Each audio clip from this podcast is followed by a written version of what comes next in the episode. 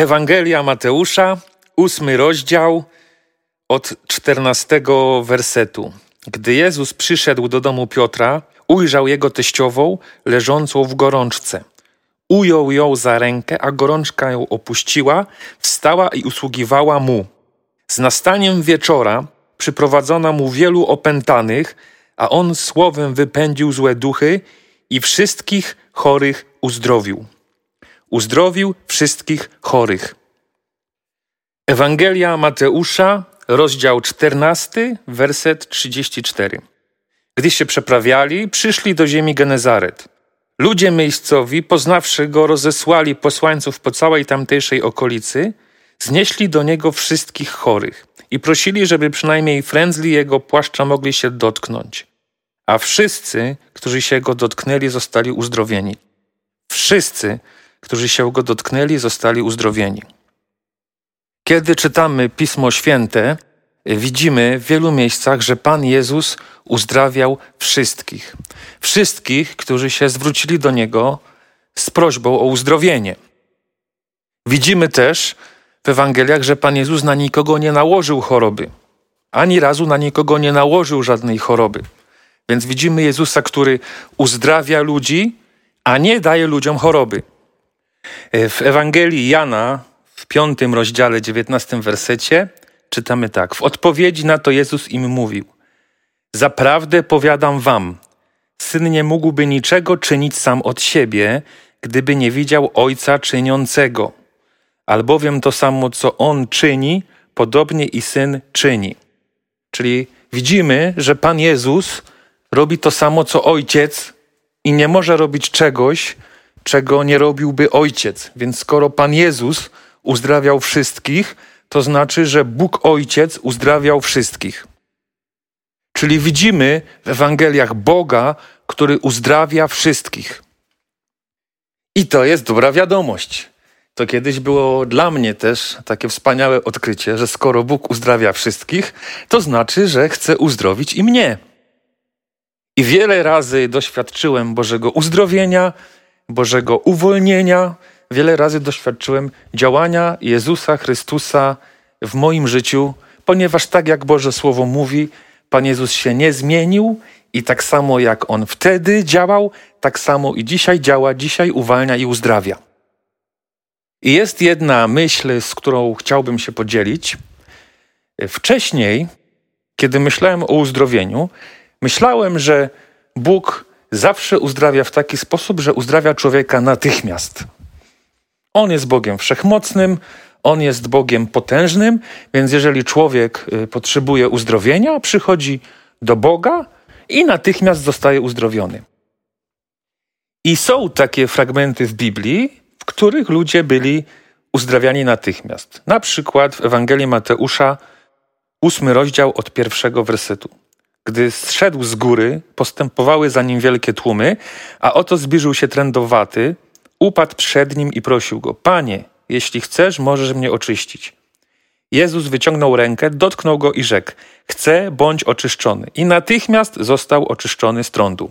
No i w tym fragmencie y, widzimy, jest użyte to słowo natychmiast, czyli Boży cud stał się natychmiast. Ten człowiek poprosił o uzdrowienie i natychmiast ten trędowaty został uzdrowiony. No i tak właśnie myślałem, że jeżeli Bóg chciałby mnie uzdrowić, to ja pomodlę się o uzdrowienie i natychmiast zostanę uzdrowiony. Tak, ale kiedy czytamy Biblię i czytamy te różne historie o uzdrowieniach, to znajdujemy historię innych trędowatych, dziesięciu trędowatych, to jest w Ewangelii Łukasza 17, 11, zmierzając do Jerozolimy, przechodził przez pogranicze Samarii i Galilei. Gdy wchodzili do pewnej wsi, wyszło naprzeciw niego dziesięciu trędowatych. Zatrzymali się z daleka i głośno zawołali: Jezusie, mistrzu, ulituj się nad nami. Na ich widok Jezus rzekł do nich: Idźcie, pokażcie się kapłanom. A gdy szli, zostali oczyszczeni. Najważniejsze w tej historii jest to, że to się działo na pograniczu Samarii i Galilei. Jeżeli ktoś był w Izraelu, to wie, że z Jerozolimy, żeby dojechać w tamte okolice, jedzie się około 2-3 godziny samochodem, jedzie się dwupasmówką szybko. Wiemy o tym, że kapłani byli tylko w Jerozolimie, ponieważ w wielu miejscach w Izraelu były synagogi, ale w synagogach nie było kapłanów. W synagogach byli rabini. Kapłani byli tylko w Jerozolimie, ponieważ była tylko jedna świątynia w Jerozolimie i tam w tej świątyni służyli kapłani. Więc jeżeli Pan Jezus mówi im, idźcie, ukażcie się kapłanom, to oni musieli się stamtąd udać do Jerozolimy.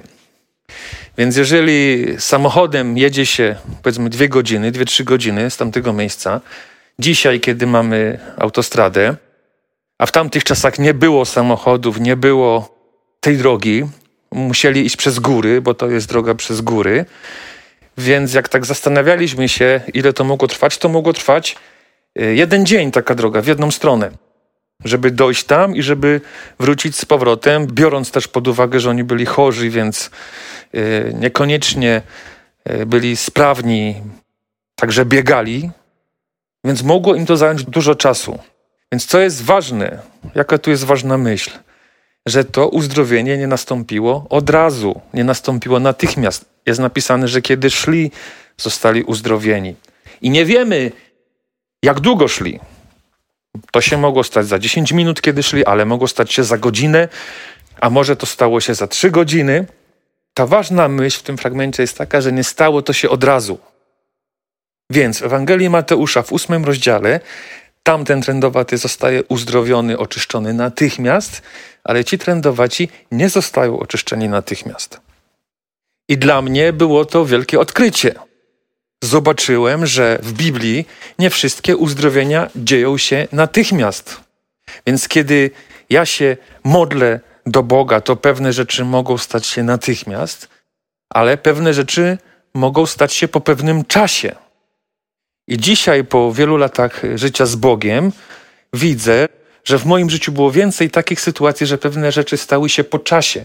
Oczywiście doświadczyłem takich sytuacji, że się o coś pomodliłem i pewne rzeczy stały się natychmiast, ale w większości, jeśli chodzi o uzdrowienia, które doświadczyłem, uwolnienia, które doświadczyłem, to działo się po pewnym czasie. Od momentu, kiedy zacząłem się o to modlić, do czasu, kiedy doświadczyłem mojego uzdrowienia, minął pewien czas. I oczywiście ja bym życzył sobie i życzyłbym Tobie, żeby Twoje uzdrowienie nastąpiło natychmiast, ale nie zawsze tak się dzieje. I to jest bardzo ważna prawda. Dlaczego? Widziałem wielu chrześcijan, którzy e, wychodzili gdzieś e, z prośbą o modlitwę, o uzdrowienie, i jeżeli to uzdrowienie nie następowało natychmiast, to ci ludzie zaczynali myśleć: A, to Bóg nie chce mnie uzdrowić. I ja również wiele razy wpadałem w tą pułapkę, że jeżeli coś nie dzieje się natychmiast, proszę o coś Boga, to nie dzieje się natychmiast, a to chyba Bóg nie chce w moim życiu zadziałać. Ale to nie jest prawda, bo Boże Słowo pokazuje wiele razy, że Boże działanie może trwać przez pewien czas. Już na samym początku Biblii, kiedy Bóg e, tworzył świat, widzimy, że nie stworzył świat natychmiast. Dzieło stworzenia świata trwało sześć dni. Więc Biblia mówi, że Bóg pewne rzeczy robi natychmiast, a pewne rzeczy zajmują pewien czas, aby dokonały się, aby się stały, aby się dokonały w naszym życiu. I co tu jest ważne, że w tym procesie ty musisz wytrwać w wierze. Tak jak ci trendowaci. Oni robili kolejne kroki, nie widząc jeszcze swojego uzdrowienia, ale szli ukazać się kapłanom zgodnie z tym, co Pan Jezus do nich powiedział.